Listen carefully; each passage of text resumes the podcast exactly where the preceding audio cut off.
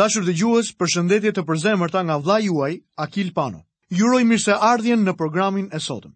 Dua t'ju kujtoj që në mësimin e kaluar jemi ndalur te kapitulli i dytë i Ungjillit sipas Markut në studimin tonë.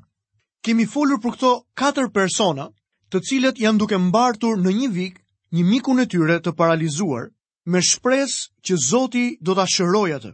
Sot do të vazhdojmë studimin tonë menjëherë për të parë rrjedhimin e ngjarjeve të kësaj historie.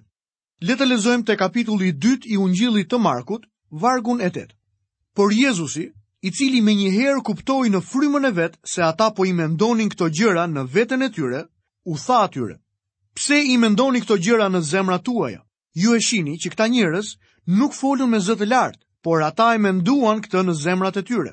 Ai u përpoq t'i bënte ata të flisnin, por këta njerëz ishin përballur me të edhe më parë dhe gjithmonë ishin larguar kokulur.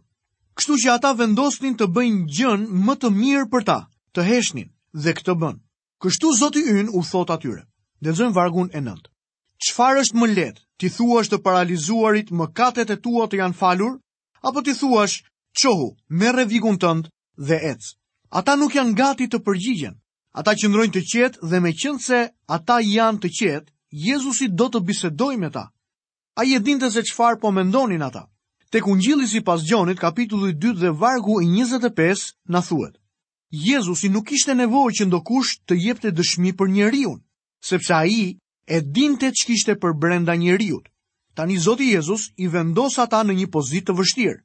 Është më e lehtë t'i thuash këtij njeriu, mëkatet e tua të janë falur, apo t'i thuash ngrihu dhe ec. Edhe pse ata nuk u përgjigjen, jam i sigurt që ata mund të kishin thënë që si njëra edhe tjetra janë të pamundura. Vetëm përëndia mund t'i bëjë. Kjo përgjigje është e saktë dhe kjo është arsyeja pse Zoti Jezus i tha atij njeriu ta ngrinte shtratin e tij dhe të ecte. Lexojmë vargjet 10 dhe 11. Dhe tani që ta dini se biri i njeriut ka pushtet të falë mëkatet mbi dhe, unë po të them, i tha të paralizuarit. Çohu, merre vigun tënd dhe shko në shtëpinë tënde. Një komentator i vjetër skocez tha se arsyeja pse ai i tha të paralizuarit merre shtratin tënd dhe ec, ishte sepse për të nuk do të kishte më kthim prapa. Ai nuk do të kthehej më në atë shtrat dhe nuk do të kthehej më në atë barelë. Ai do të ecte duke filluar që nga ai moment e në vazhdim. Kur Zoti ynë e shëroi, ai bëri një punë të mrekullueshme. Shikojmë vargun e 12. Dhe ai u ngrit menjëherë, mori vigun e vet dhe doli përjashta në praninë e të gjithëve Dhe kështu të gjithë u habitën dhe lëvduan Perëndinë duke thënë: Një gjë të tillë s'e kemi parë kurrë. Ju e shihni që ky është një ungjill plot me veprimtari dhe ja ku kemi edhe një mrekulli të gjallë. Lexojmë vargjet 13 dhe 14. Jezusi doli përsëri gjatë bregut të detit dhe gjithë turma erdhi tek ai dhe ai e mësonte. Duke kaluar, pa Levin, birin e Alfeut, i cili qe ulur në vendin e tatimeve dhe i tha, ndiqmë, ai u ngrit dhe e ndoqi. Kjo është thirrja e Levit ose Mateut. Mateu meqenëse ra fjala i përkiste fisit të Levit. A imagjinoni dot? Ai i përkiste fisit të priftërisë Dhe këtu e shohim si tagrambledhës. Kjo i jep përgjigje edhe pyetjes mbi 10 fiset e humbura. Ky është një nga vendet e shumta ku ne shohim që një individ i përket një fisi tjetër përveç Judës. Nëse dikush përpiqet të thotë se ka 10 fise të humbura sot, ata duhet të jenë në kërkim të vezëve të Pashkës. Miqtë mi, ato fise nuk kanë humbur. Ja ku është njëri prej tyre, një burrë nga fisi i Levit, që bëhet një dishepull i Zotit tonë. Zoti ynë po e thërret atë pikërisht në këtë ngjarje të mrekullueshme. Ju mund të mbani mend që Mateu në Ungjillin e tij nuk na tregon asgjë për faktin që ai përgatiti një darkë të madhe dhe ftoi disa nga miqtë e tij, miqtë e vetëm që ai kishte ishin mëkatarë, meqenëse ra fjala. Lexojmë vargjet 15 dhe 16. Dhe ndodhi që kur Jezusi ishte në tryezë në shtëpinë e Levit, Shumë tagrambledhës dhe mëkatarë u ulën në tryezë me Jezusin dhe me dishepujt e tij. Në fakt, ishin shumë ata që e ndiqnin. Atëherë skribët dhe farisenjtë, duke e parë se po hante me tagrambledhës dhe me mëkatarë, u thanë dishepujve të tij. Qysh ha dhe pi ai bashkë me tagrambledhësit dhe mëkatarët? Siç mund ta shihni këtu, është thënë tre herë rresht që të ftuarit e tij ishin tagrambledhës dhe mëkatarë. Me sa duket, nuk kishte asnjeri të mirë në listë. Asnjë nga elita e qytetit nuk ishte atje. Vini re se tagrambledhësit, në atë kohë, ishin në krye të listës së mëkatarëve. Lexojmë vargun e 17. Dhe Jezusi kur e dëgjoj u tha atyre, nuk janë të shëndoshët që kanë nevojë për mjekun, por të sëmurët. Unë nuk erdha për të thirrur të drejtët, por mëkatarët për pendim. Kjo është një përgjigje e frikshme. Kur të gjithë janë mirë, ne nuk e thërrasim doktorin. Gjithkush kërkon doktorin kur është i sëmurë. Zoti Jezus tha që nuk erdhi të thërriste të drejtët, por mëkatarët.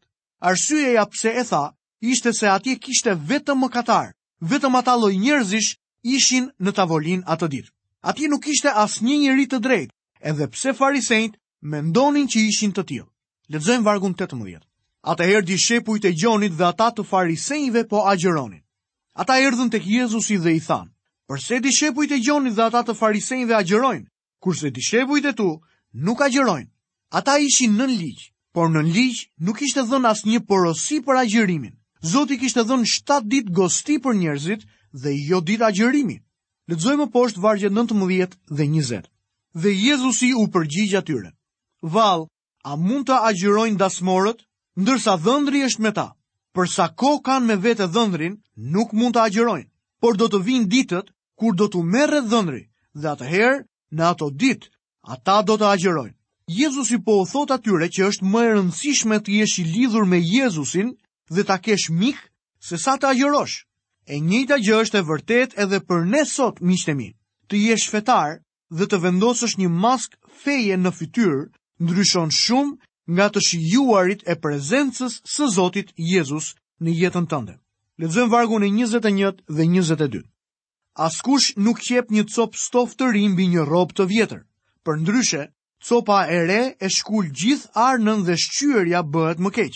Po ashtu, Askush nuk shtie verë të re në kacekë të vjetër. Përndryshe vera e re i prish kacekët, vera derdhet dhe kacekët shkojnë dëm, porse vera e re duhet shtënë në kacekë të rinj. Zoti po jep dy ilustrime për këtë jetë të re të dashurisë dhe miqësisë së njeriut me të. Ai tha që nuk erdhi për të shfuqizuar ligjin. Ai nuk erdhi të shtonte sistemin e Moisiut. Nuk erdhi ta përsoste ose ta zhvillonte atë më tej. Jezusi erdhi të bënte diçka krejt të re. Ai nuk erdhi të përshtaste një veshje të vjetër, por të na japë një veshje të re. Njerëzit nën ligj punonin dhe punët e tyre ishin si një veshje e vjetër që e kishte ngrënë mola. Zoti ynë erdhi për të siguruar një rrobë të re drejtësie për ne, që do t'i vishet çdo mëkatari që do të besojë tek Jezu Krishti. Kjo do t'i krijojë çdo njeriu mundësinë për të qëndruar përpara Zotit të Plotfuqishëm. Kjo pra miq, është gjëja më e mrekullueshme dhe e lavdishme që thuhet këtu. Zoti ynë nuk erdhi të zgjeronte apo projektonte ligjin e sistemit të testamentit të vjetër ose të ndonjë feje. Ai erdhi për të paraqitur diçka të re. Dhe e reja është fakti që Jezusi erdhi për të vdekur për mëkatet e botës. Vera e re hidhet në kacekë të rinj. Një veshje e re i jepet një burri të ri. Veshja e drejtësisë i jepet atyre që nëpërmjet besimit janë bërë tashmë bij të Perëndisë. Kjo është një gjë e mrekullueshme. Në pjesën e fundit të këtij kapitulli, shohim një ditë të shtune në fushë. Pastaj kapitulli i tretë fillon me ditën e shtunë brenda në sinagogë. Ne i pamë këto dy ngjarje tek Mateu dhe Luka. Ishin pikërisht këto pyetje rreth ditës së Sabatit që shkaktuan çarjen midis tij dhe krerëve fetarë. Që nga ky moment ata kërkonin vdekjen e tij. Në këtë ngjarje, Jezusi deklaroi se ishte Zoti i së shtunës. Edhe në sinagogë, ai kreu vepra të mira gjatë së shtunës. Lind pyetja, a e theu me të vërtetë Jezusi ditën e shtunë? A e theu ai ligjin e sabatit kur shëroi njeriun e varfër me dorën e tharë? Absolutisht që jo. Ai erdhi për të plotësuar ligjin. Por këtu shohim se Jezusi jep një interpretim për këtë. Ai zbulon se është Zot i së shtunës dhe bërja e veprave të mira ishte ajo që kishte më shumë rëndësi. Lexojmë vargun e 23. Por ndodhi që një ditë të shtunë, ai po kalonte nëpër ara dhe dishepujt e tij duke kaluar, filluan të këpusin kallinj. Dishepujt e Jezusit po këpusnin dhe po hanin kallinjtë, gjë të cilën farisenjtë e interpretuan si korrje të drithit në ditën e Sabatit. Ligji i lejonte njerëzit të këpusnin grurin. Tek Ligji i Përtërirë, kapitulli 23, vargu 24 dhe 25, lexojmë: Kur hyn në vreshtin e të afërmit tënd, mund të hash rrush sa të ngopesh, por nuk do të vësh rrush në shportën tënde. Kur hyn në arën e grurit të të afërmit tënd, mund të mbledhësh kallinj, por nuk do ta përdorësh drapërin në arën e grurit të të afërmit tënd. Faktikisht, ata zbatonin ligjin. Nëse ata do ta përdornin drapërin, kjo do të quhej korrje. Në këtë rast, ata vetëm po këputnin disa kallinj. Por farisenjtë bënë interpretimin e tyre dhe e quajtën këtë veprim thyerje të ligjit. Lexojmë vargu 24 dhe 25. Dhe farisenjtë i thanë, shih, përse po bëjnë atë që nuk është e ligjshme ditën e shtunë? Por ai u tha atyre, a nuk keni lexuar vallë ç'bëri Davidi kur pati nevojë dhe kishte uri, ai dhe ç'qenë me të? Vini re me kujdes qëndrimin e Jezusit. Ai nuk insistoi aspak të thoshte që ata nuk e kishin thyer ditën e Sabatit. Faktikisht, Jezusi refuzoi që ta diskutonte këtë çështje me ta. Ja pse iu referua jetës së Davidit, mbretit të tyre, dhe citon një ngjarje në jetën e Davidit, ku ai e kishte thyer kategorikisht Ligjin e Moisiut dhe ishte i justifikuar për këtë. Siç e shihni, Ligji nuk ishte i detyrueshëm për një shërbëtor të Zotit. kur ai punonte shumë dhe përpiqej t'i shërbente atij. Dhe kjo natyrisht është historia që i referohet Davidit dhe që Zoti ynë e përdor si ilustrim. Lexojmë vargjet 26 deri 28. Se si hyri ai në shtëpinë e Perëndisë në kohën e kryepriftit Abiathar dhe hëngri bukët e paraqitjes, të cilat nuk lejohet t'i hajë askush përveç priftërinjve, dhe u dha edhe atyre që qenë me të. Pastaj u tha atyre, e shtuna është bërë për njeriun dhe jo njeriu për të shtunën. Prandaj biri i njeriut është zot edhe i së shtunës. Ky është një princip i madh në lidhje me ditën e sabatit dhe me kuptimin e saj. Ligji ishte bërë për njeriun dhe jo njeriu për ligjin. Gjithashtu këtu kemi një tjetër princip të madh. Zoti Jezus është Zoti i së shtunës. Të dyja këto gjëra janë shumë të rëndësishme. Meqenëse ra fjala, unë kam një broshurë të titulluar Dita e Sabatit apo Dita e Zotit, cilat nga këto të dyja. Kjo është një pyetje shumë e rëndësishme sot. Mbani mend që ne nuk jemi nën sistemin e vjetër të Moisiut në lidhje me ditën e Sabatit. sepse kjo ishte pjesë e besëlidhjes midis kombit të Izraelit dhe Zotit. Kjo ngjarje e së shtunës në fushë dhe ngjarja e së shtunës që ndodhet në fillim të kapitullit të tretë lidhen së bashku. Kështu pra, edhe pse në Bibël ka një mbyllje kapitulli, le të vazhdojmë studimin tonë me ngjarjen që lidhet ditën e shtunë. Këtu e kemi përfunduar studimin e kapitullit të dytë për të vazhduar me studimin e kapitullit të tretë të librit të Markut. Ky kapitull vazhdon me diskutimin e ditës së shtunë që çoi në një ndarje përfundimtare të Jezusit me krerët fetarë të asaj kohe. Është e qartë se duke filluar që nga ky kapitull, Zoti Jezus shëron turmat, histori të cilat janë regjistruar të ndara nga njëra-tjetra. si historia e njeriut të paralizuar që zbriti nga çatia. Marku në këtë kapitull tërheq vëmendjen tonë, jo për të parë ngjarje të caktuara me mikroskop, por për të parë shërimin e turmave përmes teleskopit. Nga kjo lind pyetja për numrin e personave me të cilët Jezusi pati të bënte. Çdo përpjekje për të llogaritur këtë numër do të ishte thjesht një spekulim. Marku do të na tregojë që bëhet fjalë për një numër të madh njerëzish. Le të lexojmë kapitulli i 3 i Ungjillit sipas Markut, vargu i parë dhe i dytë. Pastaj ai hyri përsëri në sinagogë dhe aty ishte një njeri që kishte një dorë të tharë. Dhe ata po e ruanin nëse do ta shëronte në ditën e shtunë që pastaj ta paditnin. Lind pyetja. A ishte sjellë me qëllim ky njeri sakat në atë vend? Unë mendoj që po. Ngjarja tjetër ishte jashtë në fushë dhe ky ishte një vend jo fetar. Këtu dita e Sabatit ishte në sinagogë dhe ky është një vend i shenjtë. Zoti Jezus shëroi turma të tëra. Ata e dinin se nëse do ta kishin çuar këtë njeri sakat në rrugën nëpër të cilën do kalonte Jezusi, ai do ta shëronte. Faktikisht ata thjesht i bënë Zotit Jezus një kompliment. Ata e dinin që ai ishte i mëshirshëm. por pa dyshim ishin të interesuar të gjenin një justifikim, për të thënë se ai theu ditën e sabatit duke shëruar këtë njeri. Kështu unë besoj se ky njeri u soll atje dhe na thuhet se armiku ishte atje dhe po vëzhgonte. Armiqët e Zotit tonë kishin filluar të vëzhgonin për ndonjë hollësi në mënyrë që të mund të ngrinin ndonjë akuzë kundër atij. Dhe atyre nuk do t'u duhet të presin gjatë sepse vini re çfarë bëri Jezusi. Lexojmë vargun e tretë. Dhe ai i tha njeriut që e kishte dorën të tharë. Çohu në mes të të gjithëve. Zoti po bën diçka këtu. Ngrihu, eja në mes dhe qëndro aty. Me fjalë të tjera, ai kërkoi këtij njeriu të vinte dhe të qëndronte në mes, sepse ai donte të thoshte diçka. Lexojmë vargun e katërt. Dhe u tha atyre, a është e lejueshme ditën e së shtunës të bësh të mirë apo të keqe, të shpëtosh një jetë apo ta vrasësh, por ata heshnin. Ata kishin mësuar të mos i përgjigjeshin atij, sepse sa herë që e bënin, futeshin gjithmonë në telashe. Lexojmë vargun e pestë.